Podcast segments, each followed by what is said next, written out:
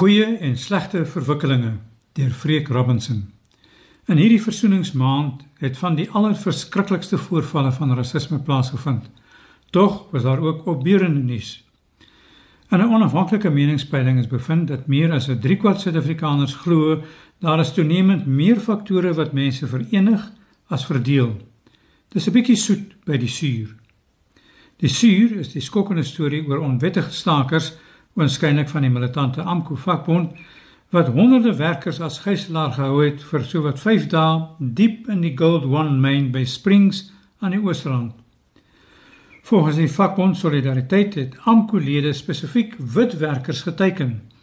Hulle is gedwing om te ontklee en is met stokke en pype geslaan. Die onwettige stakers het ook planke met spykers aan mekaar getimmer en die wit werkers daarmee aangerand. Vir 5 dae moes hulle sonder kos en klere klaarkom en met beperkte water. Die wit werkers is verneder, ernstig aangerand, uitgeskel as boere en met die dood gedreig. Ironies het al hierdie hoogs ontstellende gebeure plaasgevind rondom Versoeningsdag. Ondanks die feit dat die hou van gijslaers 'n ernstige misdaad is, het die polisie niks gedoen om mense aan te keer wat moontlik die voorbokke was nie. Die minister van Minerale Bronne en Energie, Gwede Mantashe, het ook die myn besoek, maar geweier om betrokke te raak. Hy meen dis die taak van die mynbestuur, maar hy is bekommerd dat die taktik van stakers om ondergrondsproduksie te verminder 'n gevaarlike nuwe verwikkeling is wat die bedryf ernstig kan skaad. Maar mens hoor nie van hom skerp veroordeling van die vakbonde se gedrag nie. Die gedrag is van die ergste diskriminerende optrede van swart mense teenoor wit mense in 30 jaar. Gewoonlik is dit wit mense wat beskuldig word van rasisme teenoor swart mense. Wel, dit is ewe verkeerd en moet ewe sterk uitgeroei word waar dit ook al voorkom en deur wie ook al gepleeg word. Die bestuurshoof van die vakbond Solidariteit, Dr Dirk Herman, wat ook lede onder die werkers van die Gold One Mine het, het reeds verskeie inisiatiewe begin om te sorg dat geregtigheid geskied. Solidariteit het die myneienaars op regsterme geplaas. AMKU is by die departement van arbeid per brief verklaar dat hy nie die registrasievoorwaardes vir vakbonde nakom nie en die menseregte kommissie is amptelik gevra om die menseregte vergrype in die Gold One mine te ondersoek. Die myn self doen sy eie ondersoek en oorweeg strafregtelike optrede teen onwettige stakers en gewelddenaars. Die een stukkie goeie nuus uit die hele tragiese verhaal kom van Pieter Jordaan, die hoof van nuus en publisiteit by Solidariteit. Hy het met die vrylating van die getraumatiseerde beseerde wit werkers onderhoude met hulle in die hospitaal gevoer. Hulle het vertel hoe verskeie van hulle kollegas van die NEM vakbond tussen beide getree het as die wit myners so aangeraan word, maar hulle is dan self aangeval en gedwing om amko liedjies te sing.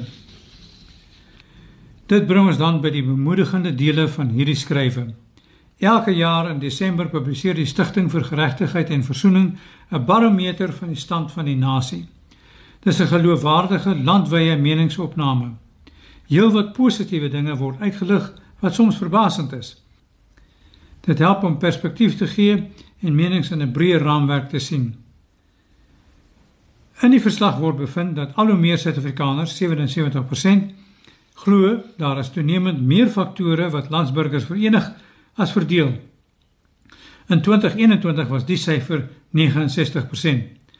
Nagenoeg 75% van Suid-Afrikaners sê dis wenslik dat mense verenig en 72% glo dit is moontlik. Versoening word belemmer deur ongelykheid, korrupsie en rasisme. Iets wat nog tekortskiet is sosiale interaksie. Die syfer dit is nou vir sosiale interaksie, staan nou by amper 40%. Minstens dui die bogenoemde syfers daarop dat landsburgers die wil het om saam te werk aan 'n gemeenskaplike, vredesame toekoms. Die studie het ook bevind dat wantroue in leierskap en openbare ondernemings die grootste is in minstens 2 dekades. Dit dui daarop dat die inisiatief vir nasiebou grootliks van die gewone burger moet kom en dit gebeur al hoe meer. Een voorbeeld is solidariteit se optrede by die Gold One Main. In die etlike jare sedert die ontstaan van die solidariteit beweging wat onder meer Afriforum en Helpende Hand insluit, is dit uit 'n linkse hoek daarvan beskuldig dat hy net vir wit mense omgee en rassisties is. Maar die beeld het begin draai. Ek het self onlangs van 'n storie gehoor waar Afriforum deur hoofsaaklik Engels kosmopolitaanse buur genader is om 'n wanfunksionele munisipaliteit vas te vat. Intussen het talle nuwe nie-regeringsorganisasies ontstaan soos Defend Our Democracy en Dialoog vir Aksie. Laasgenoemde is 'n netwerk van mense wat aktief betrokke wil wees by dialoog. Soos hierbo aangedui in die studie van die Stichting vir Geregtigheid en Versoening, is daar ruimte vir verbetering in die interaksie tussen verskillende groepe. Ek het daarbey betrokke geraak en kan eerlikwaar sê dat dit 'n bydrae tot versoening lewer.